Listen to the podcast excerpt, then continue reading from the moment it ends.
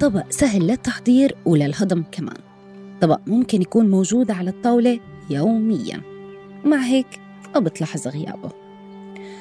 طبق رفيق لأطباق كتيرة وبجمل أي طاولة بينحط عليها.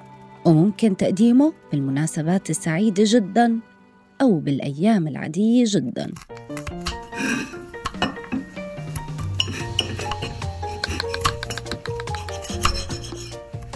بهي الحلقة من مهضوم رح نحكي عن طبق حياتكم من غيره سلطة.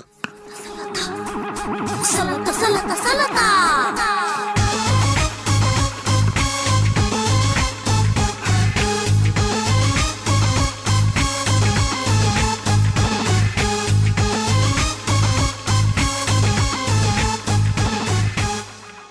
مرحبا فيكم ببودكاست مهضوم من صوت.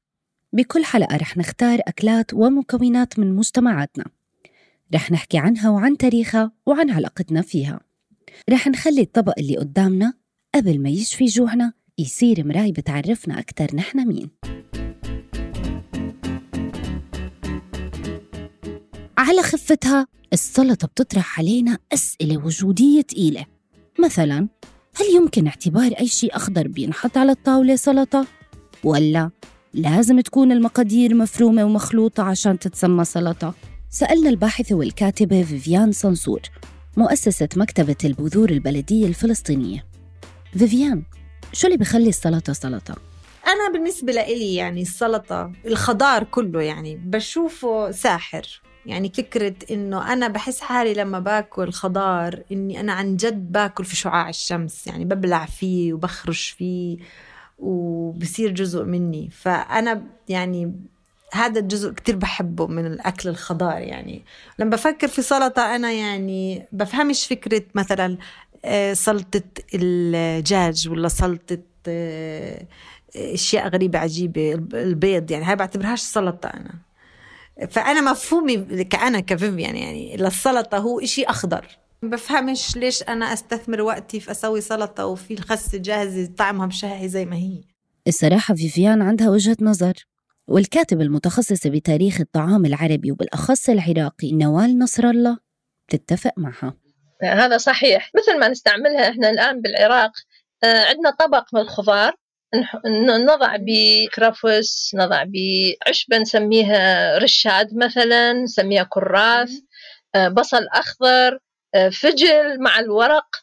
آه، هاي كلها ناكلها ويا الأكل بس مو بالضرورة أنه نقطع إلى قطع. أتصور صار تطور في عصر العثماني. أكو كتاب اسمه 500 عام من الطبخ العثماني. تذكر أطباق آه، تشبه السلطة آه، اللي إحنا نعملها الآن. فأتصور تطور عمليتها بدل ما أنه واحد يضع آه، قطع كاملة من من الأعشاب قطع كاملة من البصل يقطعها قطع ويحطها في في طبق ويرش عليها زيت وخل. فيما يخص السلطة وإذا ممكن نتفق على شغلة واحدة فهي إنه الملح عنصر جوهري من مكوناتها. كلمة السلطة جاي من الكلمة الإيطالية سلاتا اللي جاي من سلار يعني تمليح. وهي جاي من الكلمة اللاتينية للملح سال. أما بالنسبة لتتبيلة السلطة من الخل والزيت يبدو أنه ما في إجماع عليها. خلينا نسمع من الباحث الفلسطيني سفيان مصطفى المهتم في بحوثه بالمطبخ الفلسطيني بشكل خاص والعربي والإسلامي بشكل عام. مفهوم السلطة عالميا حديث نسبيا. يعني بالقرون الوسطى ما كان في حاجة اسمها سلطة أو مفهوم السلطة زي ما بنعرفه اليوم ما كان موجود. الفتوش والتبولة أشياء آه، مستحدثة. بس اللي مش مستحدث إنه تتبيلة الخل الخل والزيت. وفيها شعر. ربابة ربة البيت ومش عارف إيش. تخلط الخل بالزيت. ربابة ربة البيت تصب الخل في الزيت. لها عشر دجاجات وديك حسن الصوت لما دخل الليمون علينا من فارس بعد القرن العاشر إيه، ناس كثير صارت تستبدل الخل الخل بالليمون. إيه، لدرجة إنه الخل تقريبا اختفى تقريبا. ما زال في ناس بتحط خل على السلطة بس تقريبا اختفى. وفي نص ل بكتاب البخلاء لأحدى شخصيات البخلاء. محمد بن أبي المؤول اسمه. بقول إنه ما تفكروا إني أنا بحط خل وزيت لأنه رخيص. بتعرفوا لأنه مقارنة بالليمون أو الحامض مثل ما بيقولوا بلبنان الخل رخيص طبعا.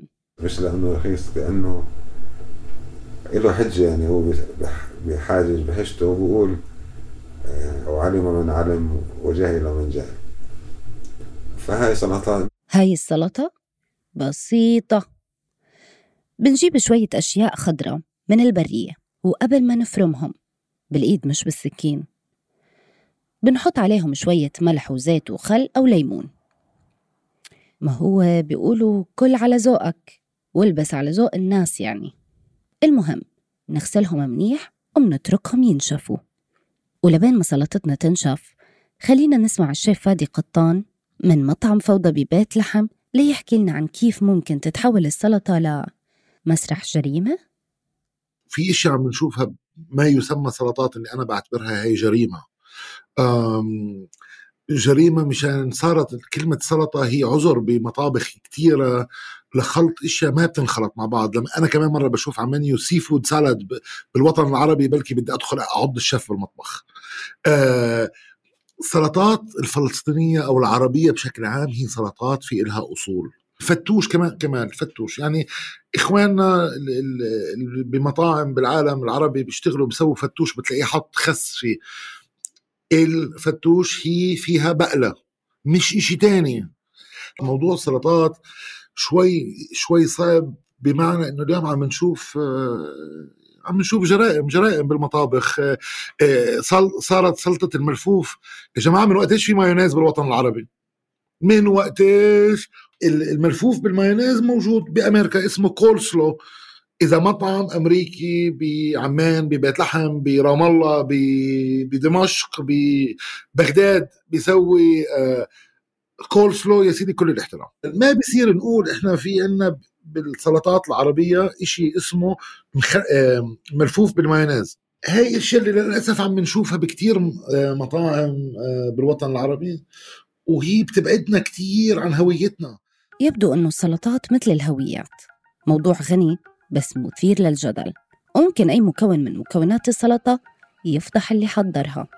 بيكشف إذا هو بخيل أو متواضع الحال. ببين إذا هو بعيد عن هويته أو متأمرك. بس طلعت معاه ملفوف بالمايونيز. أو إذا هو مش فودي أو أكيل كفاية لأنه مش حاطط بقلة بالفتوش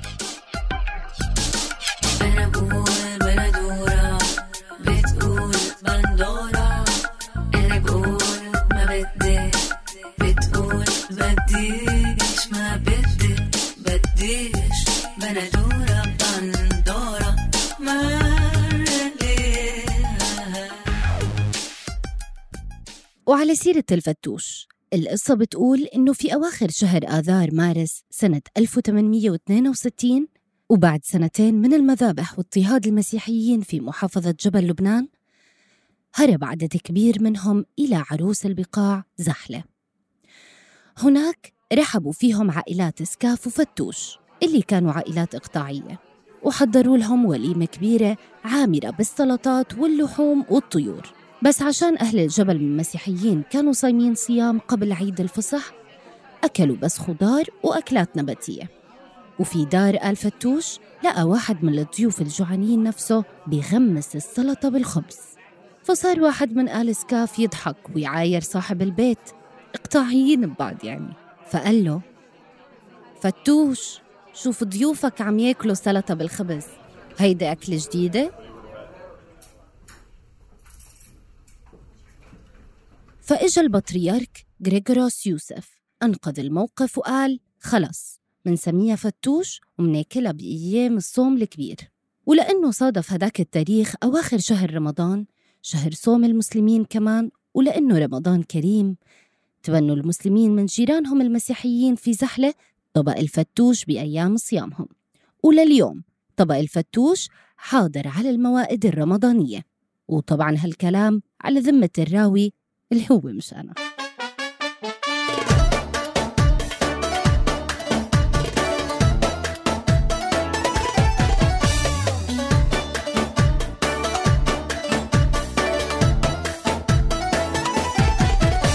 سلطة يا سلطة شو فيها السلطة البابا جوعان بده نحضر له سلطة. سلطة يا سلطة شو فيها سلطة؟ البابا جوعان بده نحضر السلطة أكيد من هاي الأطباق يلي بتقلنا نحن مين. وقصة السلطة مثل قصتنا قصة حضارة أو قصص حضارات. حتى الخسة مثلا إلها تاريخ حافل وطويل. إيه؟ الخس أو سلاد بالفرنسي كان يزرع من أيام الفراعنة وزرعوه السومريين قبل حوالي 6000 سنة. في مصر القديمة قبل حلول كل ربيع كانوا الناس يقدموا الخس كقرابين إلى إله التكاثر والخصوبة. صانع الآلهة والرجال اللي اسمه مين؟ آه اسمه مين؟ يمكن يكون قوام الخسة والسائل الأبيض يلي بيظهر عند كسر قاعدتها هو اللي أدى لهاي الرمزية. أما عند السومريين فكان الخس محرم على عامة الشعب ومسموح بس للملوك. ليش؟ حتى ينجبوا أولياء عهد أقوياء. وبالنسبة للأيزيديين وهم أقلية دينية موجودة بشمال العراق فهم حتى هذا اليوم ما بياكلوا خس. يمكن لأنه بيشوفوا بالامتناع عن الخس كنوع من الزهد أو محافظة على العادة بتربطهم بالحضارة السومرية.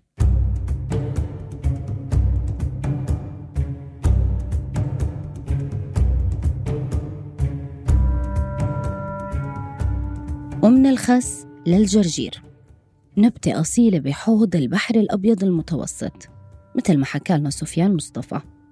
يعني في مصر بأكلوا الجرجير مع مع كل وجبات الدنيا بأكلوا جرجير. مع الفول بأكلوا جرجير مع الرز بأكلوا جرجير. وين ما أكلوا فيه جرجير.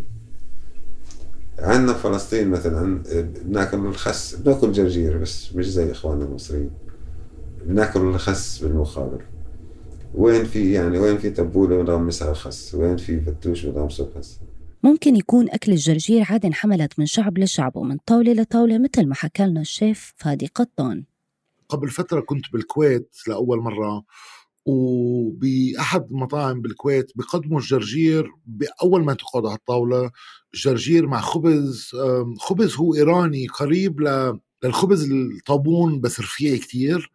سألت ال- صاحب المطعم قال لي هذا شيء إحنا أجانا من من السوريين ومن الفلسطينية واللبنانية اللي كانوا بالكويت. في عندنا مقولات كثيرة لها علاقة بالجرجير والاستفادة ال- تبعت الجرجير لل- للي بيأكل جرجير. بالذات جنسيا. آه في هاي الفانتزي اللي مربوطة مع الجرجير. في مقولة متداولة بتقول لو علمت المرأة فوائد الجرجير لزرعته تحت السرير.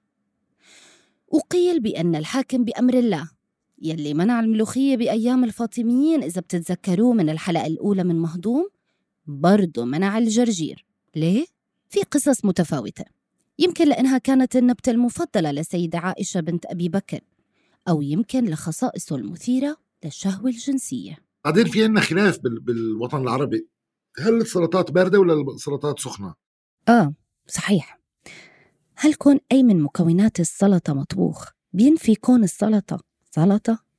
طيب هل ممكن نعتبر أكلات الزيت أو المتبلات الباردة مثلا سلطة؟ خلينا نمشكل الموضوع أكتر ونترك المشرق ونروح على المغرب الشيف والباحث المغربي الهواري الحسين بيحكي لنا أكتر عن السلطات أو البوارد بشمال أفريقيا هناك أنواع من السواخن اللي هي مقبلات ساخنة آه، إلى جانب هذه البوارد وهي تحاول تتشكل حوالي 12 نوع معروفة آه، منذ القديم. على العموم في المغرب كاين أنواع كثيرة من السلطات آه، والبوارد أو اللي ما أصبح يطلق عليه بالكمية أنواع كثيرة من الكمية وعلى رأسها بطبيعة الحال آه، سلطات اللي هي مشتقة من الخضار ومن القطاني ومن اللحوم. لا سيما سلطة المخ المخاخ بالشرمولة وسلطة الكبد وسلطة من الدجاج وسلطات آه، متنوعة كثيرة وهي من البوارد وكان أشهرها هو آه، الزعلوك. الذي يصنع من الباذنجان والتوابل المغربية وكذلك المدقوقة تتصنع في ضواحي تازال من الفلفل وزيت الزيتون والثوم والطماطم والبصل وعندها شهرة كثيرة في المغرب وعندها أسماء تكتوكة والشكشوكة وهي كذلك موجودة في المغرب العربي شمال إفريقيا في الجزائر في تونس وغيرها لا لا لا لا. طلعت الشكشوكة سلطة يعني تنعرفوا التأثير ديال ديال المطبخ الأندلسي على المطبخ المغربي.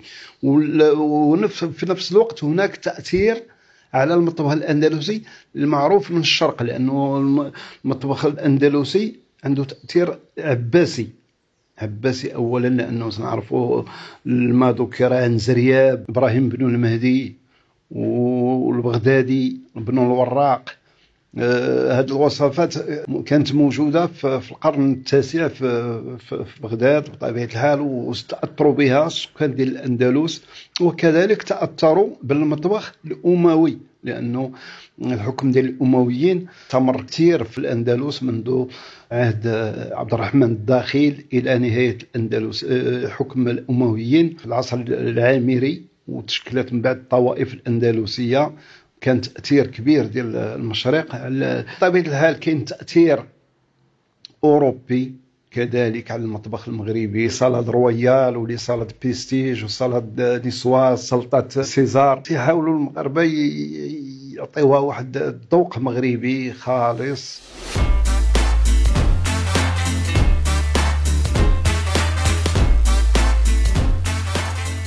قبل ما نخلط صحن السلطة ونرتب خساتنا وجرجيراتنا وشوية إرشاد وطرخون وفجل على صحن واسع لازم نتذكر إنه اللي بيخلي السلطة سلطة شي صعب ينكتب بوصفة يمكن أطيب ما فينا روح التسامح بتحضير الطبق.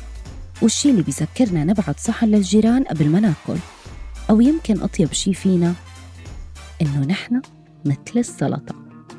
سلطة.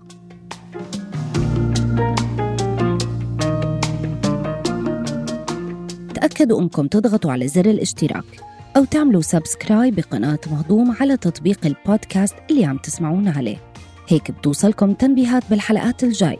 وما تنسوا تكرمونا ب review. وتحكوا لحبايبكم عن مهضوم إذا لقيتوه مهضوم. هاي الحلقة كانت بحث جيدة حمام كتابة سيرين حسني تحرير رنا داوود وتصميم الصوت تيسير قباني. كنت معكم بالتقديم ابتهال بختي. مهضوم من إنتاج صوت.